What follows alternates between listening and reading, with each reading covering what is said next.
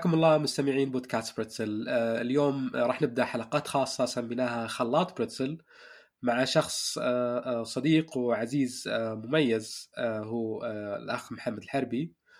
بتكون هذه الحلقات بشكل دوري شهريا. نتناقش فيها عن أخبار متنوعة في ألمانيا. هلا وسهلا أخوي علي. حياك الله. الله يحييك. شكرا على التقديم. إن شاء الله إن حلقاتنا الجديدة بتنال إعجاب الناس. بنحاول قد ما نقدر نضيف لهم شيء. من المعلومات اللي عندنا. نبدأ؟ حياك حياك. يلا بسم الله. بسم الله.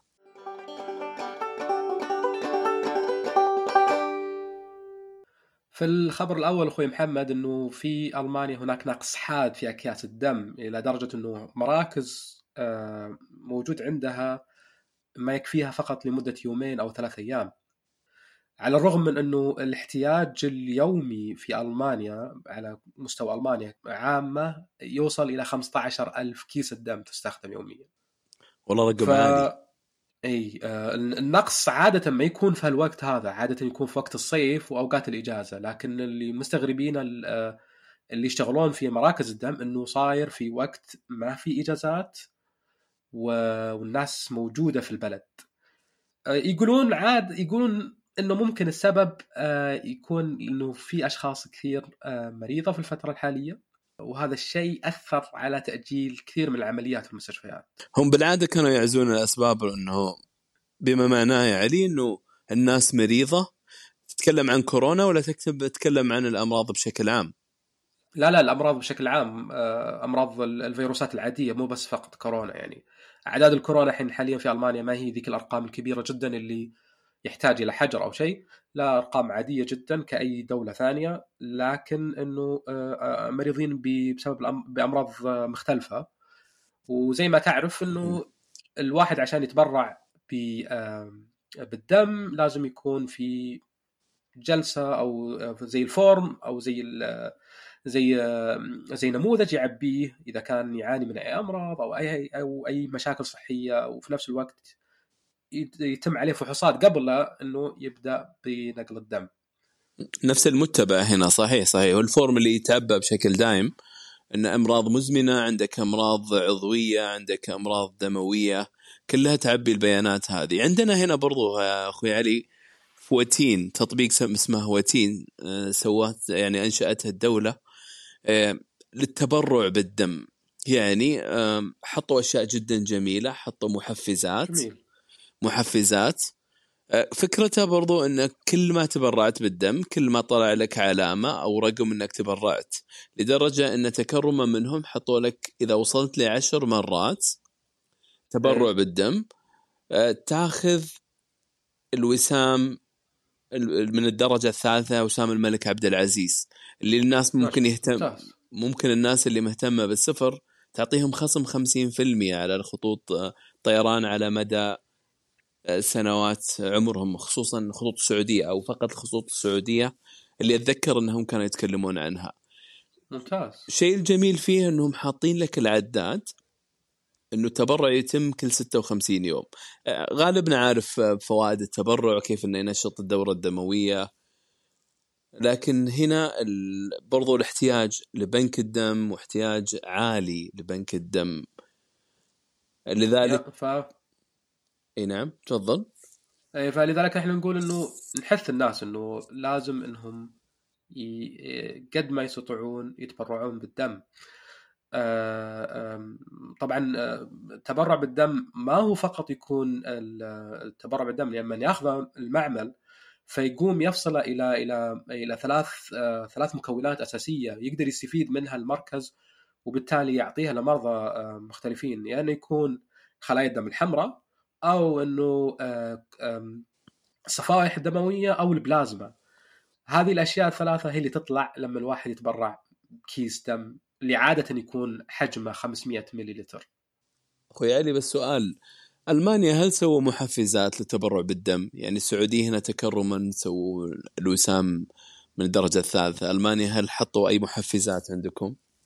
في في محفزات موجودة يعتمد من مركز إلى مركز وتعتمد على الوقت أيضا يعني تختلف من أوقات إلى أوقات. محفزات إما تكون مالية يعني يعني بين 50 أو 100 يورو. والمحفزات الثانية إنه ممكن تكون بطايق مشتريات في أحد السوبر ماركتات اللي موجودة في المنطقة. فهذه المحفزات اللي موجودة. للناس غير إنه بعضهم قد يكون يمر في تجربة أحد من أقربائه أو أحد من أصدقائه يعاني من مرض مزمن فتشوفه حريص إنه يروح بشكل مستمر إلى مراكز التبرع بالدم عشان يتبرع بالدم. يعني إحنا ما هنا في ألمانيا على حد علمي ما في تطبيق إنه الواحد يقدر يحجز موعد و و, للتبرع بالدم وإحنا يعني أتكلم في السعودية إحنا سابقين آه، تكنولوجيا في هذه الأمور أكثر تطبيقات في التقنيات في التطبيقات هي آه لكن آه إنه الواحد يقدر تليفونيا أو أيضا عن طريق الإيميل أو آه زيارة المركز نفسه إنه يحجز موعد.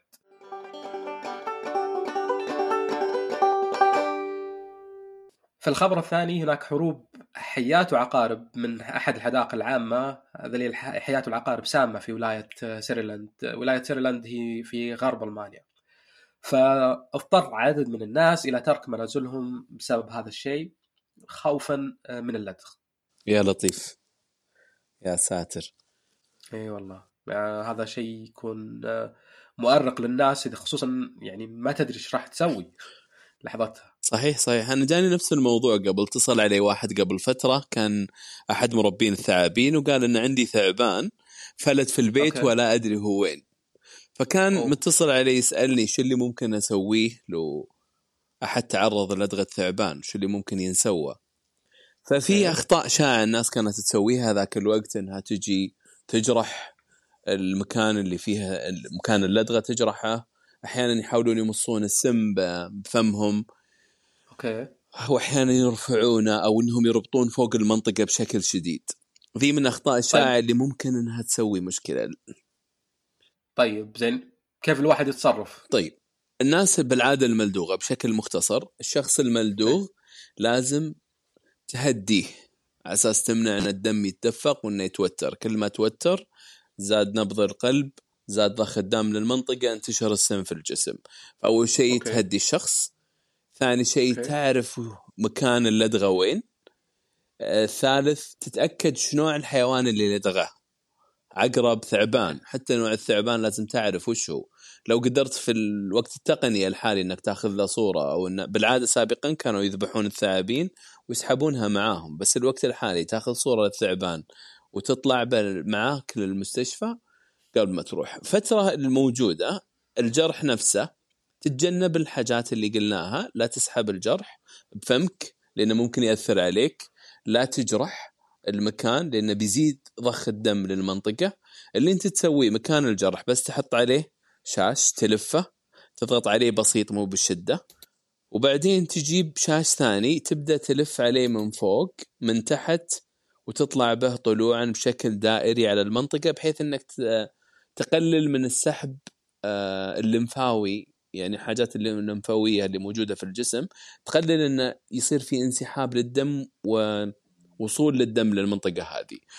برضو تجنب إنك ترفع المكان المصاب. خليه دائما على الأرض عشان يقل الدم في المكان هذا. جنب الناس في ألمانيا هناك المفروض إنهم يتجنبون الكحول. أي حاجة ممكن إنها تسوي أو حتى الكافيين أو أي حاجة ممكن تزيد نبضات القلب. يعني ما... يعني أوكي آه، جميل. مع إن ما حد له خلق انه يشرب كافيين وهو ملدو بالضبط. لكن السؤال الحين يعني أنت تقول خلى خلى على مستوى الأرض لا ترفعه من على مستوى الأرض. يعني لو حتى جات صح ولا أنا هذا اللي فهمته؟ إي مثلا لو اللدغة عندك في يدينك ما ترفع يدينك فوق تخليها تحت. لأن أنت إذا رفعتها سرعت عملية ارتجاع الدم للمكان. فهذا الأشياء اللي أه. تسويها يعني. طيب وهل في فرق بين لدغات الحياة والعقارب ولا كلها نفس الشيء في أي لدغة حية أو عقرب أو أي آه، كائن آه، يحتوي على مواد سامه؟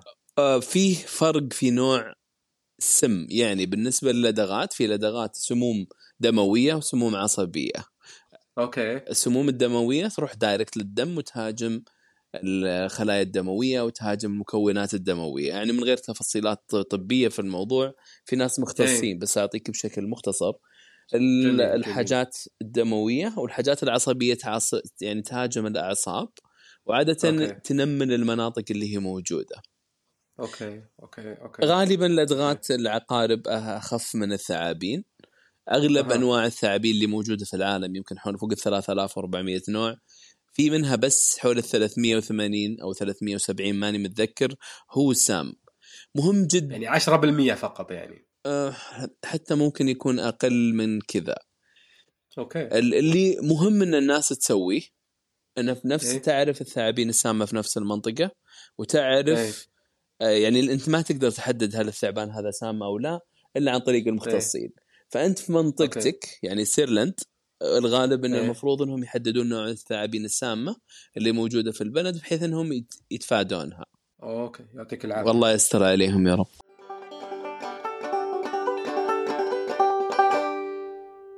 أما في الخبر الثالث فنوعا ما لها علاقة بالتقنية والتدوير. ف في ألمانيا هنا توجد كمية جوالات كبيرة حوالي 300 مليون جوال قديم موجود عند عند الأشخاص اللي موجودين في ألمانيا. وتقدر قيمة هذه هذه الجوالات في مده 10 سنوات توصل ل 240 مليون يورو. رقم والله لا يستهان بيالي صحيح هذا رقم كبير جدا في عشر سنوات فقط يعني. فلذلك الآن في توجه على أنه وتحفيز للناس أنهم يأخذون هذه الجوالات أو الأجهزة القديمة يودونها إلى مراكز التدوير في مراكز موجودة في كل مدينة مراكز كبيرة جدا.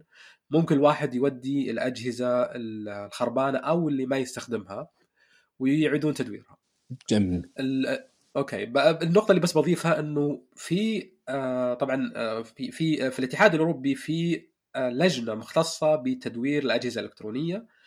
وضع ألمانيا ما هو ما هو سيء هي تعتبر آه، في في المرتبة الثالثة بين الدول لكن الشخص يق- يقوم بتدوير الأجهزة الإلكترونية بما يعادل 8.6 كيلوغرام سنويا.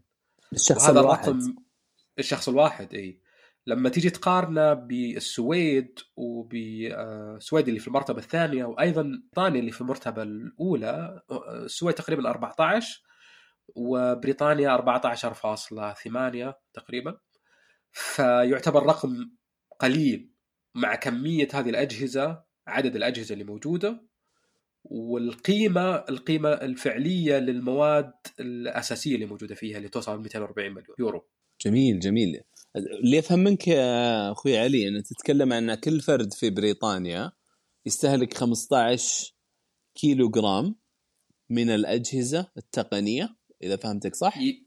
لا مو مو يستخدم إنما يعيد تدوير آه يعيد 15. تدوير 15 إيه أرقام أرقام يب. جميل والله جميل جدا في السعودية عندنا هنا ترى قاموا بالمبادرة ذي تقريبا في 2016 في شركة. اسمها تدوير أوكي. هذه شركة أهلية تمت في 2016 كانت تعتمد على التدوير بشكل عام وجزء منها كان أو التدوير اللي هو المخلفات الإلكترونية. كانت حاليا برضو لما عادت تدويرها وصارت تصدرها وعاملت ال- النفايات أو المخلفات الإلكترونية على أنها أحد أحد المناجم. فكانوا يسمونها أنها ال- الكنوز أو مناجم وأنهم ينافسون المناجم لأن كمية الأشياء اللي تطلع كمعادن كبيرة وقيمة وتشابه نفس النمط بالنسبة للمناجم. هو يقول المنجم بيطلع ذهب وفضة ونحاس إحنا نطلع نفس الموضوع. يعني إحنا نستخرج الم- صحيح. الذهب. يعني بالنسبة للأشياء اللي تصدر بما أن إحنا نتكلم عن ألمانيا الأشياء اللي تصدر لألمانيا يعني السعودية عندنا تصدر النحاس لألمانيا. صحيح. هو هذا وطبعا هو النحاس يعتبر من المواد الأساسية في الموصلات في الأشياء التقنية. وهذا الشيء يأثر على قيمة آه، بسبب يعني ندرة المواد هذه الأساسية يأثر على قيمة الأجهزة الإلكترونية. يعني في الفترة الماضية يمكن لاحظ الجميع إنه قاعدة ترتفع قيمة الأجهزة الإلكترونية بسبب قلة آه، المواد الأساسية الموجودة اللي مخلية صناعة آه، المواد التقنية في الأجهزة الإلكترونية أصعب وبالتالي صارت أغلى.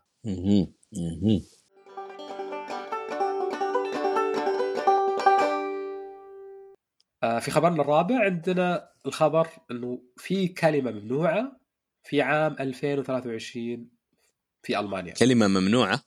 yep. كلمة أنا ممنوعة. اول مرة أسمع إن في كلمات ممنوعة. أنا اللي أعرف إنها كلمة العام the word of the year بالإنجليزية يسمونها كلمة العام. إيش قصة الكلمات الممنوعة طبعا هو آه، ال- القصة إنه في كلمة يتفق عليها عدد من الناس بعدها تختار من خلال لجنة. هذه الفكرة جات لأحد علماء اللغة في في اجتماع جمعية اللغة الألمانية هنا في ألمانيا. قال دائما word of the year أو يعني قال ليش ما تصير الكلمة الممنوعة للعام؟ هذا كان في اجتماعهم في فرانكفورت في عام 1991 فمن ذاك الوقت بدأ سنويا إنه تطلع كلمة آه كلمة العام. من هو اللي يختار الكلمة هذه؟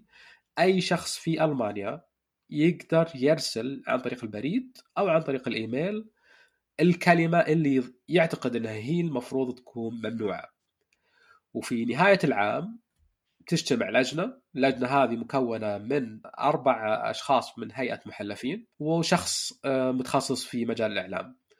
في البداية تولتها لجنة لجنة أو جمعية اللغة الألمانية هنا في ألمانيا لكن بسبب بعض المشاكل أخذتها أخذتها القضاء وبدأوا هم اللي يمسكون الموضوع. آه، طبعا أكيد إنه على أي أساس هم يختارون بالضبط. أو هل في بنود معينة آه، يختارونها للكلمة ولا لا؟ فهي إنها أول شيء هذه الكلمة موجودة في آه، أو نشرت في عام في نفس العام في عام يعني عام 22 نشرت وهذه الكلمة تنتهك مبدأ كرامة الإنسان أو تنتهك مبادئ ديمقراطية أو آه، التمييز بين الأفراد أو تعتبر تعبير غامض ومضلل. أنت تتكلم على أي أيوة. مستوى يا أخوي علي؟ تتكلم عن مستوى الأفراد ولا آه. عن المستوى الرسمي؟ طبعا هي هم هذا لما تجي هم الفرد هو يقدر يختار أي كلمة يشوفها إنه هي هذه كلمة ال- الكلمة الممنوعة المفروض تصير. لكن هذه اللجنة تيجي تشوف الكلمات وتفرزها بعدين. وعلى أساس كمية ال- الكلمات اللي جاتهم رايح يشوفون هل هي محققة هذه الشروط ولا لا. وبعدها هم راح يقررون إن هل هذه الكلمة آه، ممنوعة المفروض تصير ممنوعة مفروض أو لا. جميل والله جميل. إيش كلمة العام؟ الكلمة الممنوعة. تقصد؟ الكلمة الممنوعة لهذا العام هي آه، إرهابي المناخ. آه، طبعا هم وجهة نظرهم أنه الأشخاص اللي يحاولون على حماية البيئة وحماية الذود عن المناخ المفروض أنهم ما يلصق فيهم كلمة إرهابيين لأنهم هم ليس إرهابيين أما نشطاء فلذلك الكلمة الآن الدارجة في آه، في الإعلام الألماني وحتى بين الناس اس- هي نشطاء المناخ أو كليما أكتيفيستن.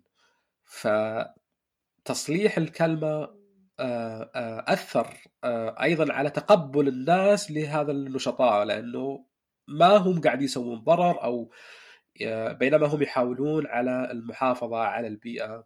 قد في بعض ال- آه، التصرفات ال- من بعض الأفراد لكن الأساس هم إنه يحاولون على حماية البيئة. جميل. ممكن ممكن ناخذ كلمة مثلا كانت في عام 2022 آه، ألف هذا كانت في عام 2022 لكن ممكن ناخذ كلمة في آه، 2020 في وقت موجة نعم. كورونا. شادني فضول أعرف. فكان إي كانت الكلمة لها علاقة أكيد بكورونا كانت كورونا ديكتاتور وهي آه، كانت كلمة ممنوعة في ذاك العام آه، في في عام 2021 آه، آه، بسبب إنه هذه الكلمة الناس بدأت تقولها فقط ل آه، عدم استجابتهم عدم رغبتهم إنه آه، أو عدم قبولهم آه، بالسياسات اللي كانت آه، موجودة آه، إلزامية على الأفراد من المؤسسات الصحية لحمايتهم من كورونا. فهذه اللجنة قالت هذه الكلمة كورونا ديكتاتور هي كلمة ممنوعة المفروض ما تتداول لا في الإعلام ولا بين الناس و آه، لأنه هذه التوصيات اللي من المؤسسات الصحية هي توصيات لحمايه الناس ومنع الوباء إنه ينتشر بين. الناس.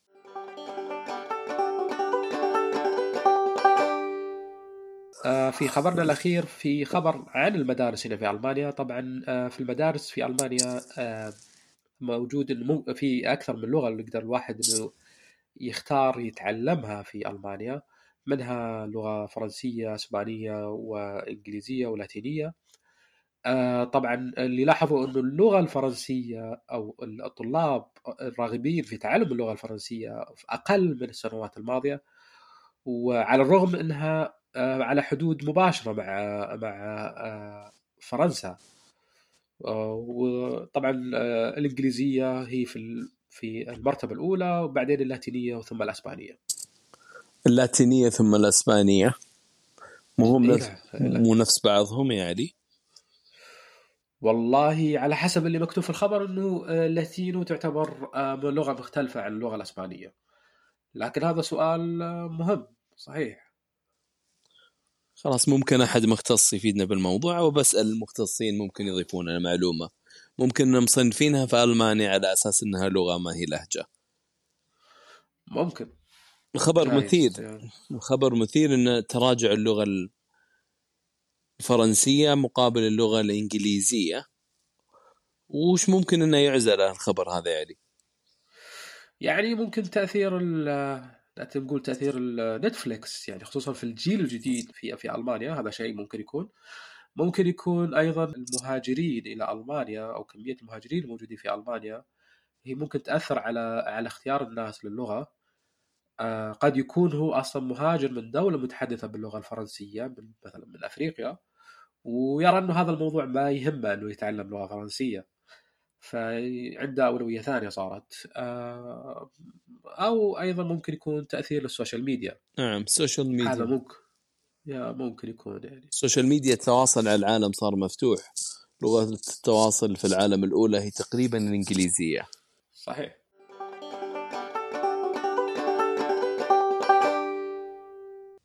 آه وصلنا لنهاية البودكاست. آه شكرك أخوي محمد على تواجدك وإضافتك القيمة في في هذه الحلقة. شكرا أخوي علي وأنا سعيد باني اكون جزء من خلاطك وشكرا لك وأتمنى الناس تكون استفادت. بإذن الله بإذن الله. آه إن شاء الله في حلقة قادمة بإذن الله. وأنت طيب مع السلامة. مع السلامة.